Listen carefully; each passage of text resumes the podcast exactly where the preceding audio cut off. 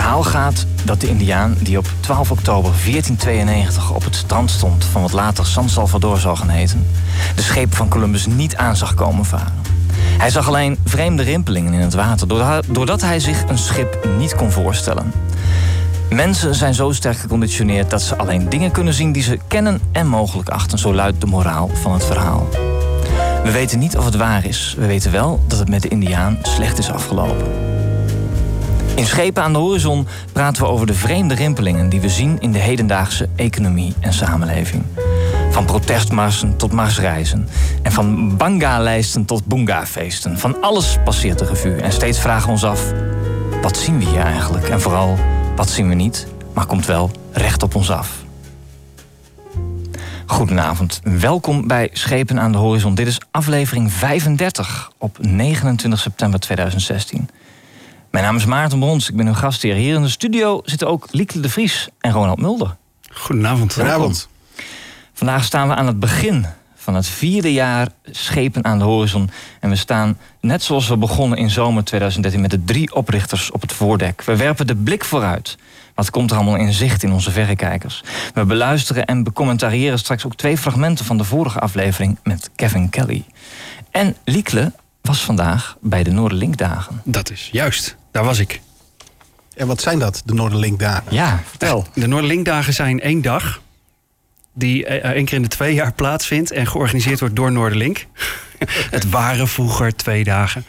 Uh, en Noorderlink is een samenwerkingsverband van de 35 grootste werkgevers in het noorden van Nederland. Denk aan de Gasunie, gemeente Groningen, de provincies, gemeente Assen, het UMCG, AVB, enzovoort, enzovoort, enzovoort. En uh, die wisselen onderling veel kennis uit op het gebied van HRM en PNO. Maar de meeste gewone mensen zullen Noorderlink vooral kennen van de vacaturewebsite, waar alle vacatures van die bedrijven bij elkaar online staan. Oké, maar is dat dan niet een beetje een, uh, een dansfeestje van de dinosauriërs? Dat, uh, allemaal van die grote, oude, logge bedrijven? Of doen die nog wel spannende dingen? Nou, het was in ieder geval een hele enerverende dag, dus dat kunnen ze. Um, en ik denk dat als je het op de man en vrouw afvraagt, dat ze zichzelf natuurlijk helemaal geen dinosaurier vinden. Maar um, uh, een van de sprekers die daar uh, vandaag was, was Martijn Aslander. En uh, die deed heel concreet de oproep: stop met de bureaucratie. Mhm. Want dat werkt niet meer, daar heb je niks meer aan. En in alle eerlijkheid, zodra je een organisatie hebt met meer dan duizend medewerkers, dat, hè, om, om lid te kunnen zijn van Noordlink, moet je er tenminste zoveel hebben. Ja, dan heb je al zoveel opgebouwd aan structuren door de decennia heen. Dat, ja, dat je juist een behoorlijk hiërarchische bureaucratie over het algemeen hebt. Maar wat bedoelt Martijn Aslander dan met bureaucratie? Nou, dat dat hele formele geregel en het delegeren van dingen op de ouderwetse manier gewoon niet meer de snelste manier is om te ontdekken wat werkt. Um, en uh, hij, uh, hij, heeft het boekje Easycratie geschreven en uh, Nooit Af. Nooit Af. En hij stelt, uh, hou op met dat georganiseerd, maar ga gewoon dingen doen. Uh, de informatie reist tegenwoordig zo snel en via zoveel kanalen dat die traditionele hiërarchie van de baas weet het eerst en ver, verspreidt het daarna onder zijn uh, werknemers. Die is helemaal achterhaald. En dat, als je het op die manier blijft doen, dan ben je altijd te laat. Dat is een, zijn belangrijkste reden om te zeggen: stop met de bureaucratie. -hmm. En hoe viel dat in dat gezelschap? Nou, het is heel grappig om door de jaren heen te zien hoe de sfeer een beetje verandert. Waar bij de Noordlink dagen misschien zes jaar geleden er nog wat, wat, wat ongemak was. En zo van ja, maar we doen het toch heel goed. En waarom moet dat dan anders? Mm -hmm. Heb ik nu toch deze editie best wel ervaren dat uh, er veel meer interesse is voor deze alternatieve geluiden. Um, en heb ik ook de afgelopen jaren links en rechts binnen Noordlink organisatie ook al heel veel op kleine schaal zien gebeuren. Met een experimentje zus, een experimentje zo. Het is alleen letterlijk trage massa. En er zit een hoop weerstand tegen verandering in het fenomeen van een hiërarchie natuurlijk. -hmm. um, maar je ziet mensen nu echt bewust stoeien met van ja, ik vind dit heel gaaf, maar onze organisatie kan dit nog niet zo goed. Hoe gaan we nou voorzichtig toch wat bewegen of waar kunnen we eens een keer niet voorzichtig zijn. Dat zie je ook langzaamaan gebeuren. Ze hebben daar wel een werkgroep voor opgericht. een focusgroep. Uh, een stuurgroep. Nee, nee dat is flauwe grappen te dat, maken. Dat is, dat is de valkuil. Um, ik denk dat voor zover ik het bij de Noorderlink-organisaties de afgelopen jaren een beetje kon, kon aanschouwen, dat 2016 toch wel het jaar was waar het besef van, nou ja, je kunt dit niet meer vooruit plannen, je kunt niet meer blauwdrukken maken en maanden vooruit besluiten wat je in welke volgorde gaat doen. Dat is er wel. Dus de werkgroepen zijn eerder nu communities en taskforces uh, die niet meer per se een baas hebben. Nou, dat klinkt, al beter, maar ik, zeg, het zijn flauwe grappen natuurlijk. Want ik kan me ook heel goed voorstellen dat het juist voor uh, PNO, HRM mensen heel erg leuk is, heel erg uitdagend is. Omdat ze hele veel spannende dingen kunnen gaan doen dan uh, functieboeken en, en uh, beloningstabellen in elkaar zetten. Ja. je, je, moet dan de organisatie het materiaal geven om, om op een nieuwe manier te, dat te kunnen gaan doen. Ja, die twee dingen. Maar je komt, um, nou vandaag heb ik vooral heel veel HRM'ers en PNO'ers en leidinggevenden van het soort gezien die, die hier al interesse in hebben. en minder van wat dan wel de blauwe soort genoemd wordt, die heel erg structureel met procedures werkt. Want dat is natuurlijk ook een kant van HRM. Als je zo'n grote organisatie hebt, is er gewoon een hoop administratie te doen. Dan moet er een, moest er een salarishuis en een functiehuis zijn. En we moesten in de gaten houden of jij je papiertjes wel had om een baan te mogen hebben. Er is een heel contingent HRM'ers, PNO'ers voor wie dat hun werkelijkheid is. Die mensen, die krijgen hier extreem veel buikpijn van. Mhm. Maar elke HRM'er die meer interesse heeft in de persoonlijke ontwikkeling van de collega's en de talentontwikkeling en hè, wat kun jij nou bijdragen aan de doelstelling van de organisatie, die zie je met glimmende oogjes op zo'n dag rondlopen. Ja, dit, dit, dit, kunnen wij toevoegen aan uh, al die grote organisaties. Dit is ons ding. Ja. Dat, ik hoor dat graag, glimmende oogjes. Dat was dus wel de moeite waard vandaag. Jazeker, ja, zeker. Maar dat was uh, Martijn Aslander die ze een beetje uitdaagde. Wat waren verder de, de hoogtepunten wat jou betreft? Uh, nou, er waren tientallen sprekers, dus ik heb lang niet alles uh, uh, zelf kunnen volgen. Um, er waren mensen als Jitske Kramer, waren er om die als cultureel antropoloog in organisaties rondloopt en heel veel meer aandacht besteedt ook aan nou ja, dat wij gewend waren om in stammen te werken. Dus dat je heel vaak in een context toch snel op zoek gaat naar de leider en hoe dat invloed heeft op hoe een organisatie werkt. Uh, we hebben Rutger Brechtman gezien. Die zei uh, wat werkgevers van op dit moment vooral uh, zou moeten bezorgen. waar ze zich bezorgd om zouden moeten maken, is de bullshit jobs. Ah, ja, het, het, het, het, spreadsheets onderhouden. Het werk wat gewoon echt eigenlijk geen toegevoegde waarde heeft. Dat moet je uit je organisatie schrappen. Je moet die mensen bevrijden. Um, Ruud Veltenaar, die een nog groter beeld schetste van hoe de wereld aan het veranderen is en hoe de natuur uh, uh, zo'n immense kracht heeft dat wij daar als mens überhaupt mm, ja, het loodje tegen leggen. Maar dat als we goed voor onszelf willen zorgen, dat we veel meer de verbinding aan moeten gaan. Uh, en, en nog talloze andere sprekers. Ja, Opvallend veel die zeiden: ga nou de verbinding aan met jezelf. Om het even heel wollig te zeggen, met je eigen hart en je eigen waarom. Uh, maar dat heb ik in heel veel verschillende toonaarden gehoord. Ook hele concrete van. Um, uh, ik kom straks op de naam terug. Um, en, uh, en ga de verbinding aan met elkaar. Zie elkaar niet als iemand met nou, een functieprofiel.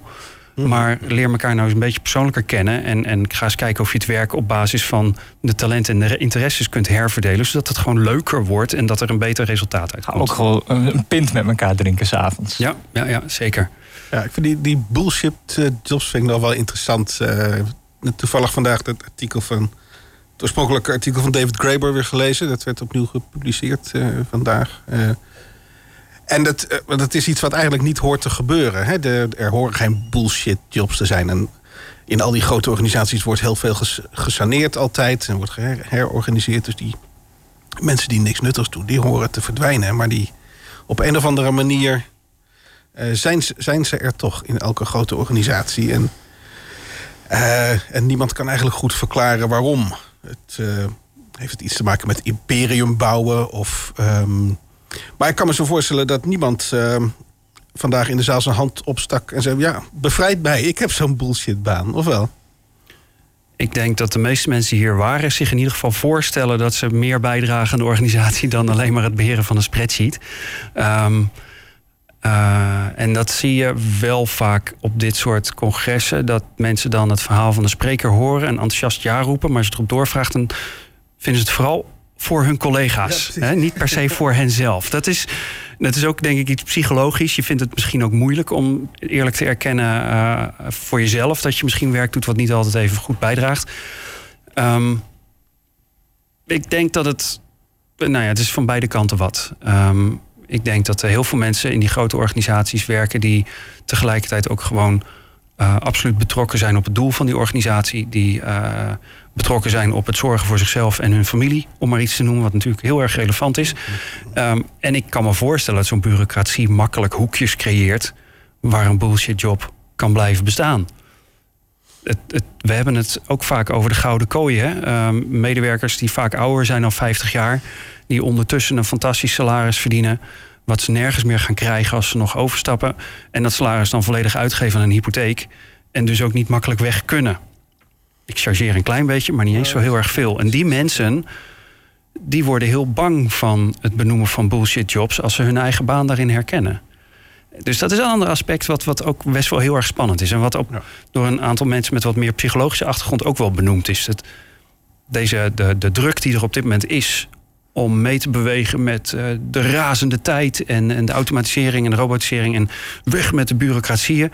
Dat jaagt heel veel mensen natuurlijk ook angst aan, omdat ze gewoon denken: ja, maar ik dan? Wat moet ik dan?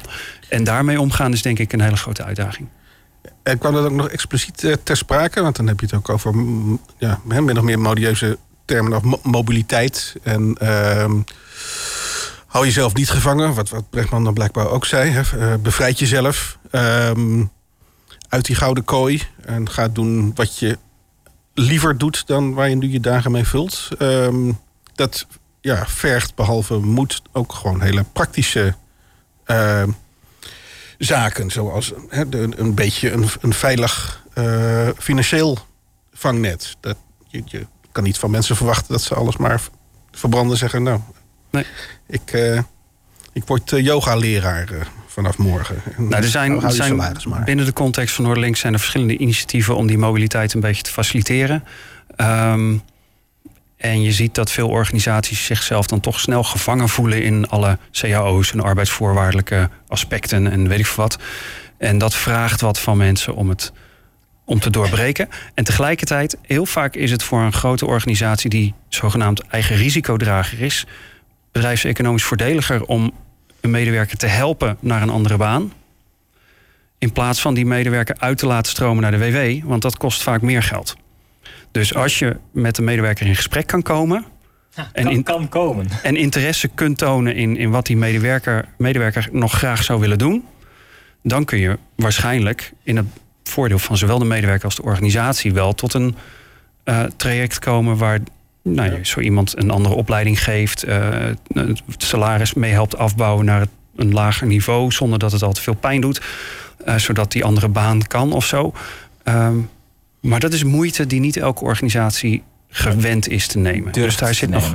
Nou ja, dat, je, je, zag vandaag de interesse daarvoor in het begrip van waarom is dit een goed idee wel groeien. Oké, okay, want ze hebben met z'n 35 uh, hebben ze samen natuurlijk ook een heleboel moeilijkheden. Of mogelijkheden, ja, moeilijkheden ook, maar mogelijkheden wil ik zeggen. Uh, ik heb wel eens gedacht dat um, mensen boven de 50 bijvoorbeeld, die uh, uit het primaire productieproces uh, gaan, omdat dat tempo niet meer kunnen bijhouden of zo, die zouden misschien wel heel goed met wat bijscholing, begeleiding, cursussen in het onderwijs terecht kunnen. Die onderwijsinstellingen zijn ook bij Noorderlink aangesloten. Ja. Nou, dat, dat is dus- tot nu toe nog heel erg ingewikkeld. Hè. Je moet uh, ook steeds meer papieren hebben om überhaupt les te mogen geven. Dus, ja. dat zit elkaar een beetje in de weg. Wat je wel ziet gebeuren is um, het, het, meesterschap en het beetje gilde denken dat een oudere ja. medewerker um, uh, de helft van de tijd gaat werken, 85% van zijn oude salaris krijgt, tijd over heeft om dan een jongere medewerker te men mentoren. Mooi. En tegelijkertijd dus ook plek maakt, zodat een jongere medewerker ook een baan kan krijgen. Dat, dat zie je nu links en rechts wel gebeuren. En dat zijn, als een voorbeeld, zijn dat wel mogelijkheden die, nou, die beweging en mobiliteit op een leuke manier stimuleren. Mooi, mooie dingen. En over de toekomst van werk, is daar nog over gesproken? En, en of de, het gebrek aan toekomst, als de robots alles doen straks? nou ja, uh, Martijn Aslan, Rutger Brechtman, Jarno Duursma hier uit de stad... en, en nog een paar, hè, die Ruud Veltenaar noemde ik ook al... die hebben allemaal gezegd al het werk wat repetitief is, dat, dat kun je afschrijven. Dat gaat de computer doen, dat gaat de robot doen. Al het werk wat fysiek zwaar is, dat gaan we sowieso liever door robots laten doen. Want die houden dat langer vol en die hebben minder risico op ongelukken. En, en, en doorbetaling bij uh, zwangerschap, arbeidsongeschiktheid en zwangerschap en noem maar op. Reparatie. Um, dus dat is heel veel verteld. Um, en je kunt je afvragen of dat überhaupt wel uitgevoerd kan worden. Zoiets, een organisatie als de DUO, Dienstuitvoering Onderwijs, is onderdeel van, als lid van Noorderlink. Dat is natuurlijk eigenlijk gewoon een soort van... Een grote blockchain. Facturenfabriek en een verrekeningfabriek. Ja, um, daar hoeven uiteindelijk niet zo heel veel mensen te werken, denk ik. Uh, als ze nu werken. Um, maar ja, dat, dat is natuurlijk wel heel pijnlijk voor zo'n organisatie. Dus dat, daar schrikken ze wel van. Daar weten ze niet zo goed hoe ze daarmee om moeten Pijnlijk, gaan. vooral voor, voor hun nu. Ja. Ik denk dat als je het ze over uh, x jaar zou vragen... Nou goed, dat is voor ons misschien makkelijker vanuit deze positie. Ja, ik denk dat het... Uh, de, de, de, de, belangrijkste toon vandaag was... Um, de wereld verandert en we kunnen er boos over worden. Maar we kunnen ook met elkaar kijken van wat, wat kunnen we er dan mee doen. Um, maar zo heel radicaal van nou weet je wat, we besteden het uit aan de blockchain. Dat, nee, dat heb ik vandaag nog niet gehoord. Oké, nog, nog één radicale notie. Ik, wil, ik wilde graag dit, dit tafereeltje nog, te, eh, nog, nog aan je voorleggen, Likkelen. Uh, dit zag ik werkelijk voor mijn ogen gebeuren in de Big Building gisteren.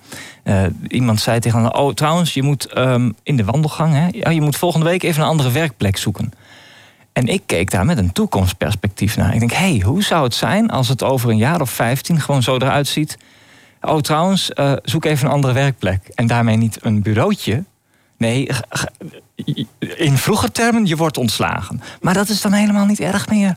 Daar zitten wij helemaal niet meer bij de pakken neer. Als, als ik heel eerlijk mag zijn en daarop mag reageren... mijn, mijn beetje utopische beeld van Noordlink... Hè, er werken 70 tot 80.000 mensen in totaal. Bij die 35 organisaties is dat dat een soort van pool wordt van talenten... Uh, uh, waar binnen die pool geroepen wordt... nou, we hebben een project en dit en dat moet er gebeuren. Wie doet er mee? En dat die bedrijven met elkaar een, nou, bewijs van een soort van basisinkomenachtige deal maken. Al onze medewerkers en hun gezinnen weten dat ze genoeg zullen krijgen. En jij wordt uitgedaagd op de projecten waar je nu zin in hebt. Dat zou mijn utopische toekomstbeeld zijn voor de Noordlink-organisaties en daaromheen. Ik hoop dat we hier uh, ergens in het komende seizoen nog een flinke boom over kunnen opzetten met deze of gene. Dit is Schepen aan de Horizon. Vanavond is de aftrap van ons vierde jaar. En we praten over de arbeidsmarkt, tijd, organisatiestructuren, overheid, onderwijs. We blikken terug, we kijken vooruit. En zometeen nog twee fragmenten uit het interview dat we op 7 juli hadden met levende legende Kevin Kelly. U luistert naar Schepen aan de Horizon, post-industriële chronieken voor nieuwsgierige geesten. Mijn naam is Maarten Brons, ik ben uw gastheer en vanavond werpen we ook de blik vooruit en terug. Tweet gerust met ons mee met de hashtag SADH op onze website sadh.nl. Staan ook alle vorige afleveringen en die zijn ook gratis beschikbaar in de iTunes Store bij de podcasts. Vanavond is de start van ons vierde jaar. We willen uitbreiden. Daarvoor hebben we vacatures. Voel jij je verbonden met ons en wil je graag een bijdrage leveren? Neem dan contact op. Zie onze website sadh.nl of via Twitter @sadh. Ja, vlak voor de zomer hadden we een boeiend gesprek met ras-innovator Kevin Kelly. Schrijver, meervoudig TED-spreker, mede-oprichter van Wired. Ga zo maar door, een levende legende. Een buffeltitaan, een ketelbink, puur zang. Ik heb twee fragmenten geselecteerd. En daar gaan we nog eens naar luisteren. Deze man zegt zulke interessante dingen, hierop moeten wij nog even voortbomen. We vroegen hem bijvoorbeeld hoe hij te werk gaat.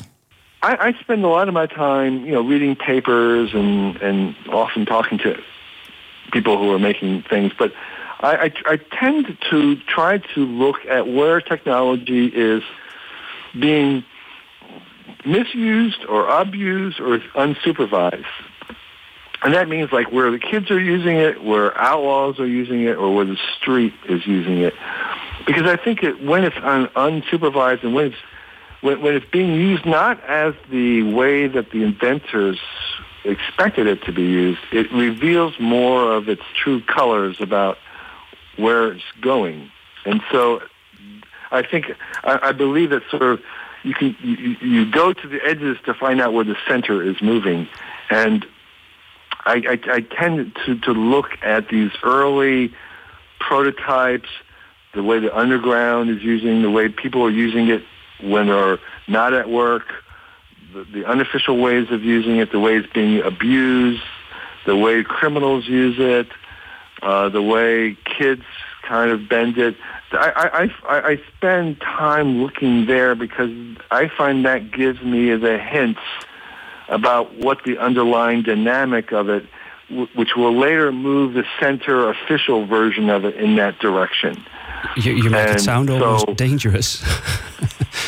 well, it is. Like, like for instance, just last weekend, um, I went up to this racetrack in Northern California where they were having the first self-driving race car race.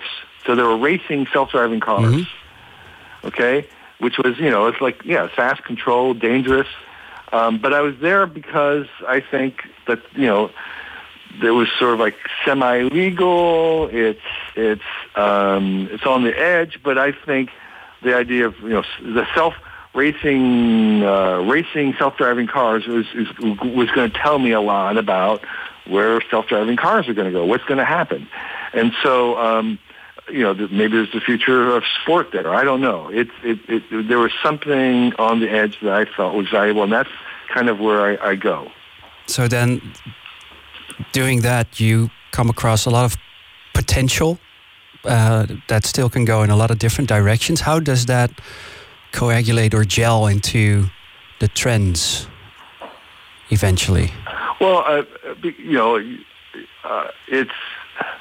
I'm trying to abstract out of um, those bits of evidence, those those data points on the edge, and saying, well, okay, um, here, here's the plot of of the, these edges are leaning in this direction. So, so, so, like, I mean, a better example in the past was um, uh, uh, very early on the internet in you know 1980s when we were first getting on.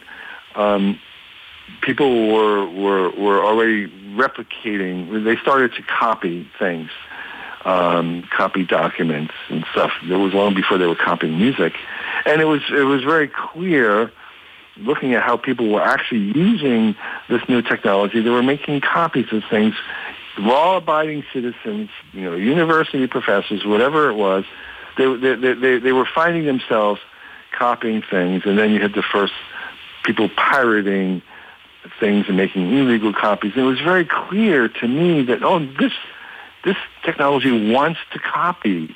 It's, it's copying things. And so we, we to abstract out of those early pioneers the, the, the tendencies and say, it, you know, uh, there, there's a tendency, there's, there's, there's a trend here. There's more than one place where this copying is happening outside of the legal structure.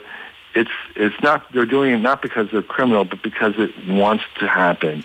And so that would be an abstraction of saying, well, okay, this, will I'll start to look for other places and then we'll make a general rule that, oh yeah, it wants to copy. You can't stop the copies. You have to do something else. It wants to copy. It's it's like you describe in your book what technology wants. It is a, a life form yeah, it's, a little on its own. Of, of, of right of uh, uh, attributing personification to them as a device to uh, it, it's it's a, it's a it's a literary device to uh, detect the, a, a, trend. It's it's inaccurate in that sense, but it's useful. It's inaccurate in that sense, but it's useful. Kevin Kelly vanuit ons interview van vlak tijdens de zomer, wat was het, 7 juli.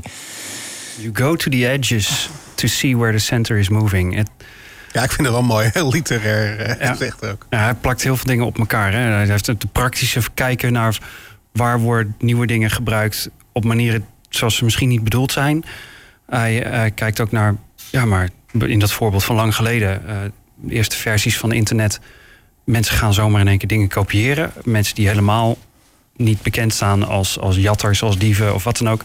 Wat betekent dat? En dan legt hij daar overheen het literaire idee van, nou ja, als ik technologie nou me voorstel als een wezen, als een levensvorm, dan kan ik het karaktereigenschappen geven. Dus het, het wil gekopieerd worden.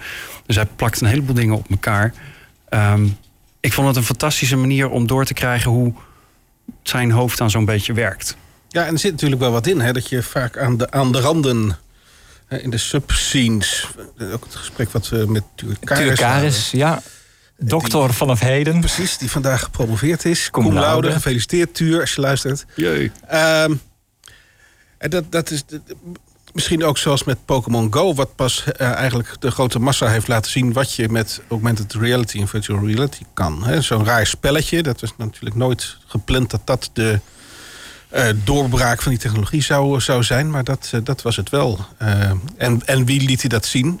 kinderen van 13, 14 dus, ja, je had al Ingress uh, jarenlang, maar dat was meer een underground fenomeen. Ja, en ik ben al, uh, ik weet niet hoe lang aan het inchecken met Foursquare en Swarm. Ja, weet ik allemaal niet. Er, er, zegt nooit iemand wat over. En dan is er in één keer Pokémon Go en dan, nou ja, oké. Maar exact, het voorbeeld. En de grap is denk ik dat je dan achteraf jaren verder, dan kijk je terug en denk je: oh ja, dat is eigenlijk wel logisch dat het zo gegaan is. En het moment dat je erin zit, denk je: wat idioot, wat gebeurt hier? En waarom doet hij daar dat en zij daar dat? En hoezo praten ze niet met elkaar? Dat concurreert, dat is toch helemaal niet handig. Maar dat zijn edges en daar destilleert zich. Een moving center. Heel vaak een moving center. Oh, misschien zou dat de titel van zijn volgende boek kunnen zijn: The Moving Center. ja.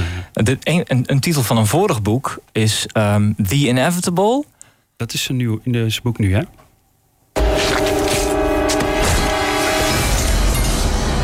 hear that, Mr. Anderson? That is the sound of inevitability. Ja, uit de Matrix.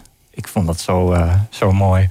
Als, als Neo bijna voor de metro geflikkerd wordt. Ja, ja. Nee heeft een subtiel andere betekenis. en dan wordt het toch niet zo inevitable. Nee. Dankzij zijn knowledge of the force. Um, nog meer over uh, move, move the center, look at the edges? Ik dacht bijvoorbeeld nog aan um, wat ik bij een Petja Kucha in het Infoversum zag. Dat er in Detroit een soort heatmap uh, te zien is van waar iOS en waar Android gebruikt wordt. En dat je ziet dat juist in de vooruitstrevende hoe noem je dat, uh, bohemien, ondergrondwerelden, eh, de Android meer gangbaar is. En ja, dat, dat Android zich dus beter leent om, om te pielen en te, te knatsen.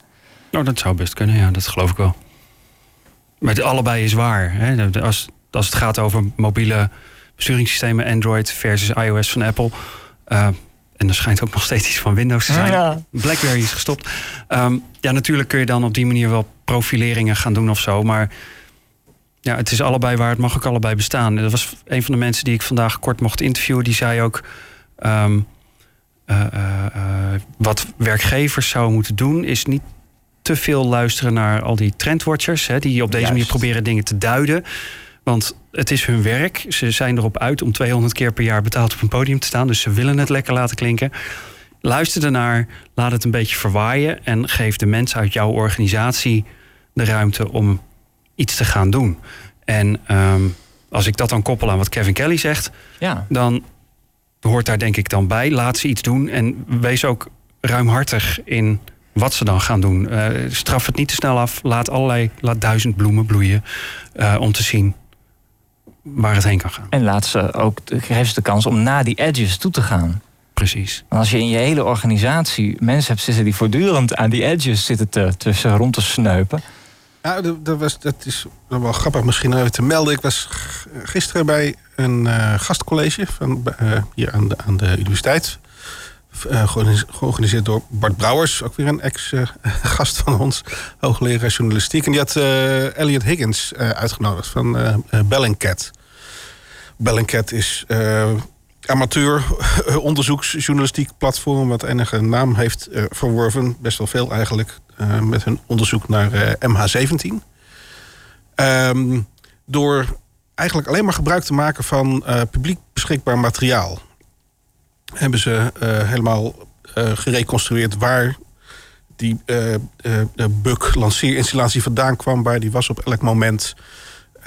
door foto's te gebruiken die eh, soldaten hadden gepost op VK-contacten, de, de Russische Facebook. En dat dan weer te vergelijken met dingen die ze op Google Maps vonden. Ehm, en dat had hij gemonteerd in een echt een hypersnel filmpje. Ehm, van 30, 35 minuten. Waarin dat hele proces van maanden uh, aan voorbij vloog. Een soort ultra timelapse. En um, het was wel jammer dat er niet zoveel uh, uh, zeggen, volwassen journalisten in de zaal zaten. Alleen maar journalistiek studenten. Maar ik denk, ja, wat, wat die jongens daar met, echt, met publieke middelen... bijna allemaal gratis voorhanden voor elkaar kregen... Daar, nou, daar kunnen een heleboel kranten en televisieredacties een puntje aan zuigen. Dat is wel indrukwekkend.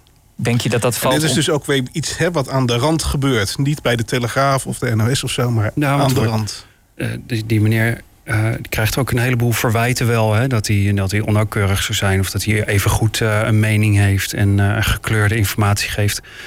Um, en soms komt dat van de hoek waarvan je denkt... ja, ik snap het wel dat jullie hier nu lopen te mopperen... want jullie waren niet zo goed in het verslag leggen rond van dit uh, fenomeen. Nee, en daar, het is, wat hij doet is in die zin ook open source. Hè. Het is ver, verbeter het maar als het niet klopt. Hij laat ja. precies zien wat hij doet. Dus, uh, het is toch al nog nooit af. Nou, nou ja. Zei hij dat ook? Nee, dat zei nee, hij niet. Hij, hij, vond dat het nou wel steeds meer af begon te raken. Oh, eigenlijk, ja, dit, project, ben, dit project. Ben je wel klaar met zoeken. Denk je, Ronald, dat dit een mooi voorbeeld is van wat Kevin Kelly noemt een misuse of abuse of technology? Nou, misschien niet zo strikt en letterlijk, mm. want er wordt geen technology abused, maar Nee, nee, nee. Het, was, het, is, het, is een, een, een, een uh, het zijn nieuwe combinaties die gemaakt worden. Het is misschien niet helemaal de, steeds de technologie gebruiken waar het voor bedoeld is. Maar, maar het is niet uh, helemaal omdraaien van dingen. Nee. Het is, uh, het is heel inventief en creatief verschillende bronnen en technieken combineren. Wat hij doet. Oké. Okay. Nog, een, nog een fragment van Kevin Kelly? Als we de tijd voor hebben. Graag. Het kan. Ja, volgens mij kan het wel. Komt-ie. I think one of the things that, that, I feel that has changed is that it's become more organic, more, I call it organic, more biological, in the sense that um, we have added um, more and more complexity to these systems. I talked earlier about how uh, there's a kind of an ecosystem of these things. Well, I, I think detecting is in itself an ecosystem, so you have uh, the codependency of all the the tools and technology. You know, it takes it takes a a computer to, to make a drill press these days, but it also takes a drill press to make a computer, and that that, that goes on and on. Where that we have the self support of all these technologies that are required to make other technologies which are required to make the first technology, and so we have a an ecosystem, a web, and that these uh, things, as we add more and more complexity, more and more layers more and more kinds of technologies, it, uh, it does much more resemble like a rainforest than it does a machine. And so I think the internet and all the kind of communication technologies and and their power definitely behave more biologically than they do mechanically. And so I would say that if we had to have a character for this technology that is becoming more organic, more biological than it was before. That it is more, much more lifelike than it was before. So I would think that would be one thing I would characterize it as now. We vroegen Kevin Kelly naar zijn visie op het karakter van technologie. Ja, het wordt meer biologisch, meer organisch, meer een ecosysteem. En dat is wel grappig. Dat is een, een, een metafoor die overal steeds meer gebruikt wordt. Uh, in de vorige eeuw zeker, in het industriële tijdperk, was de, de klok, hè, of het mechanisme, dat was de metafoor die overal voor gold. Je We hebben het over gehad met Lugien Karsten. Ja, uh, in de economie uh, heb je, zie je dat ook. daar was het idee was dat er is een werkelijkheid en dat kan je vatten in een model en dat is mechanisch. En net als een slinger van een klok gaat de economie steeds weer terug naar een evenwicht en alle afwijkingen zijn tijdelijk. En ehm, daar zie je nu ook steeds vaker die vergelijking met een ecosysteem. En inderdaad met een regenwoud of met een tuin gemaakt worden. Van, het is heel complex, alles hangt met alles samen. Kleine oorzaken kunnen grote gevolgen hebben. De voorspelbaarheid is uh, uh, veel minder dan we dachten. Onzekerheid is veel groter dan we dachten. Dat is ook nog wel iets om het komend jaar misschien uh, is een uitzending aan te wijden. Die Ehm, noteren we. En dat, eh, dat is wel grappig. Technologie eh, op dezelfde manier. Verschillende technologieën werken op elkaar in. Ehm, en dat, ehm, ja, dat, dat maakt het in principe ook minder voorspelbaar, denk ik, wat er gaat gebeuren. Ja, ik vind het, ik vind het beeld. Het lijkt, technologie lijkt, heeft meer weg van een regenwoud tegenwoordig dan van een machine. Dat vind ik een, een prachtig beeld. Ehm, mijn associatie is dan ook van eh, hoe complexer het wordt, hoe minder erg het is als er eens ergens een stukje uitvalt. Ehm, Dan wordt het antifragiel. Precies, het lijkt wel antifragiel te worden. Maar ik kan me heel goed voorstellen... Hè, we hebben onszelf zeker de afgelopen anderhalf eeuw... extreem getraind in dat lineaire gestructureerde denken... inclusief eh, de, de bureaucratische hiërarchie. Dan is dit zo'n radicaal andere manier van beleven... van hoe de wereld werkt... dat eh, mensen hier wel meer dan buikpijn van krijgen. En misschien is dat maar goed ook, want how does a lobster grow? It gets uncomfortable. Oh ja, ja, ja. Als, als, die, hè, als die uit zijn schaal dreigt te gooien, dan wordt doet het op een gegeven moment zoveel pijn. Dan moet hij wel zijn, zijn schil af, afwerpen. En dan is die heel kwetsbaar... Heel even. Heel even, totdat hij een nieuw huisje gevonden heeft. Ja, er zitten prachtige betekenissen in. Dat werd vandaag ook meerdere keren gezegd... van dit is zo onprettig en zo anders. De enige manier om, om hier als organisatie en als mens in een organisatie mee te dealen... is door gewoon te accepteren dat je feilbaar bent. Door te accepteren dat het pijn kan doen. En als je dat dan durft te delen... dan zul je zien dat andere mensen ook best wel zich open durven te stellen. En dan is het toch gedeelde smart is een heel stuk eh, mindere smart. En eh, hopelijk eh, kom je dan verder dan wanneer je heel stijf ouderwets blijft handelen en praten. Ik denk dat het, het is makkelijker gezegd dan gedaan. Dit is Schepen aan de Horizon. Frisse blikken op de verte van economie en maatschappij. En dat doen we allemaal pro deo. U kunt ons steunen door via onze website sadh.nl bitcoin over te maken... of spullen bij bol.com te bestellen. Affiliation heet dat. En dan stroomt er een percentage bij ons aan boord. Dus via sadh.nl. Een, blik vooruit, een blik terug. Het, het, het vierde seizoen openen. Het is donderdagavond in Groningen. Tenminste, als u nu live luistert op de FM-eter of via een livestream. En op donderdagavonden, er is eigenlijk iets vreemds aan de hand. Want traditiegetrouw is de stenen middenstand dan open in de binnenstad. Hoe lang gaat het eigenlijk nog zo door? Wanneer gaan onze steden echt radicaal mee veranderen met hoe we leven? En hoe gaat de binnenstad er dan wel uitzien? Was het einde van de consument niet al nakend? En wat doen we dan wel op donderdagavond in de stad? Of gaan de ontwikkelingen in Noord-Nederland niet zo snel? Maarten, Maarten, Maarten, wat maak je het groot? Mijn vriendin sprak laatst iemand uit Leeuwarden. En die was uit winkelen geweest in Groningen. En die zei, ja, daar is ook niks aan. En toen vroeg mijn vriendin van, waar ben je dan geweest? In de Herenstraat. Aha. De Herenstraat in Groningen is de plek waar al die grote ketens hun filiaal hebben, maar vooral hadden. Dat is helemaal geen spannende straat. Je moet in de Volkingenstraat, Zwanenstraat, Oude Kijk. En je moet overal anders zijn, behalve op die plekken. En vanavond toen ik hierheen fietste, was het heel erg druk in de stad.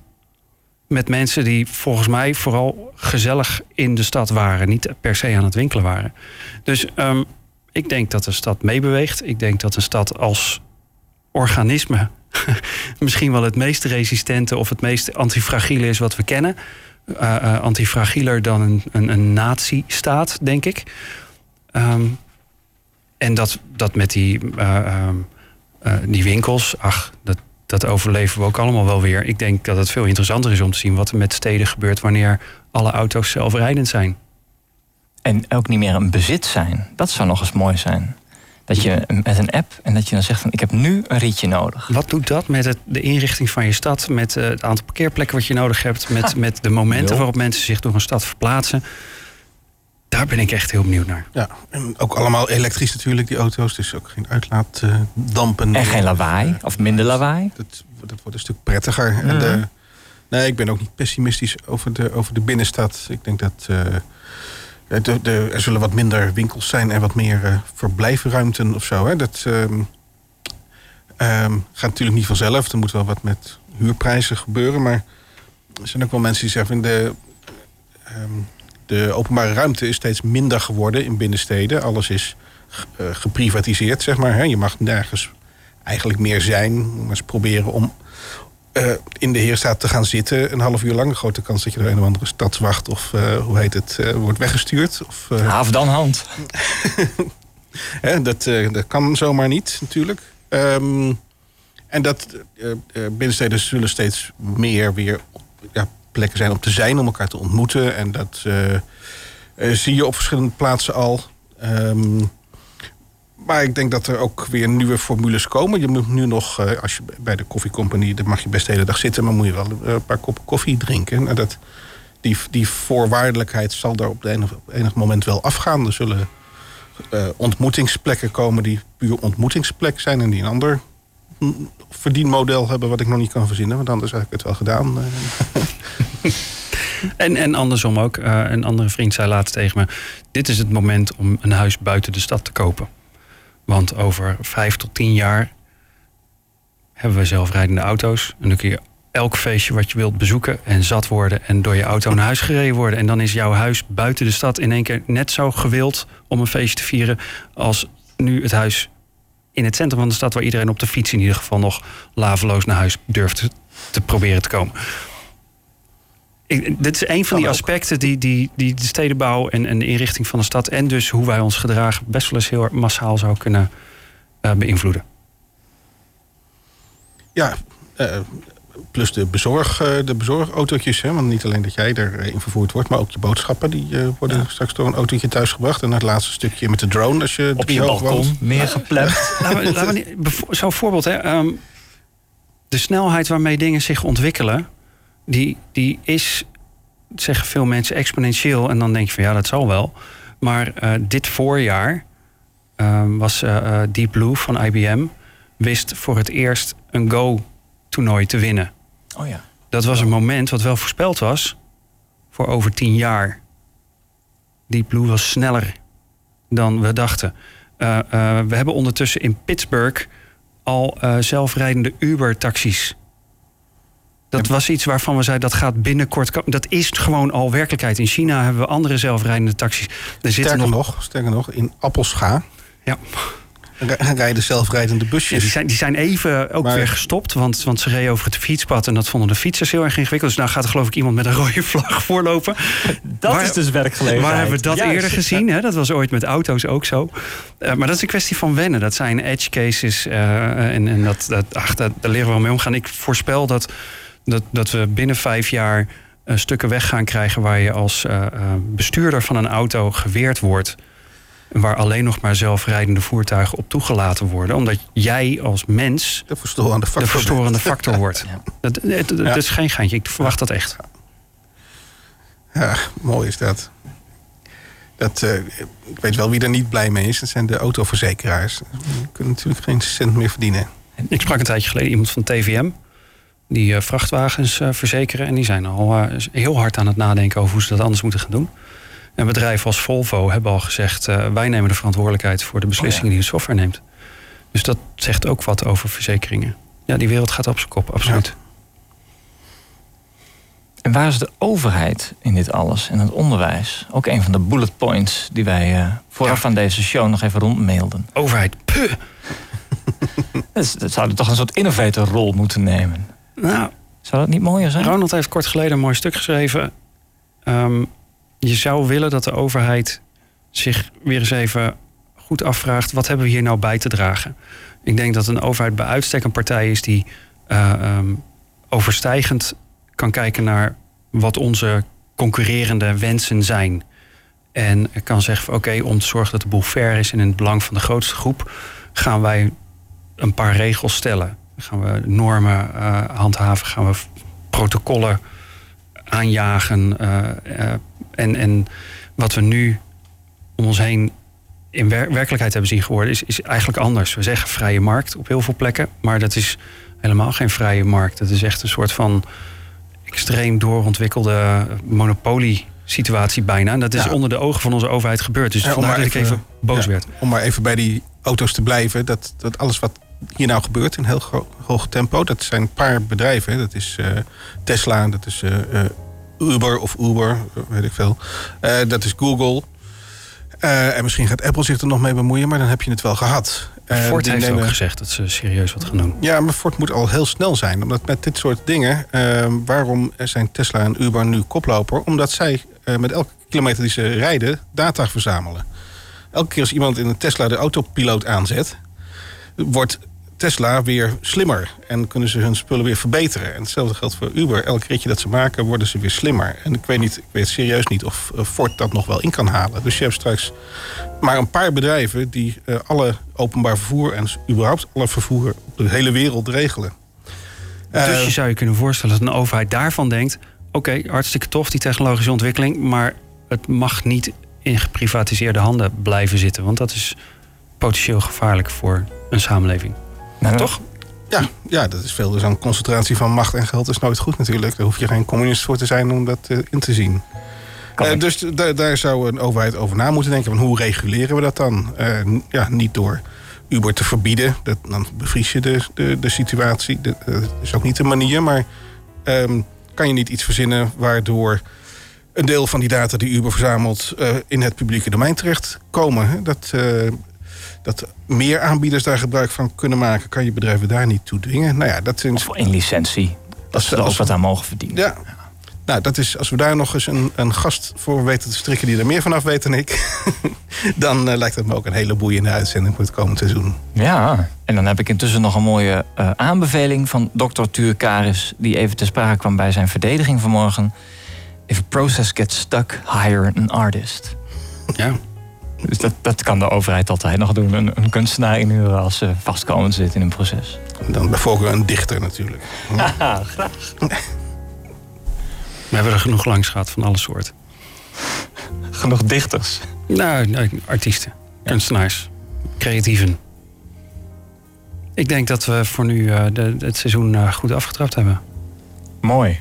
Ja. Dit is Schepen aan de Horizon, post-industriële chronieken voor nieuwsgierige geest. En we sluiten de 35e aflevering af. Reuze bedankt aan onze partners, Oogradio en Warpnet. En volgende maand is er weer een uitzending. Tot die tijd kunt u alles terugvinden op sadh.nl en gratis in de iTunes Store bij de podcasts. Schepen aan de Horizon wordt gemaakt door Ronald Mulder, Lieke de Vries, Juri Sepp is even op reis en mijn naam is Maarten Bons. En de techniek is natuurlijk in handen van Ruurt Jan de Mulder. Voor nu bedankt en tot de volgende keer.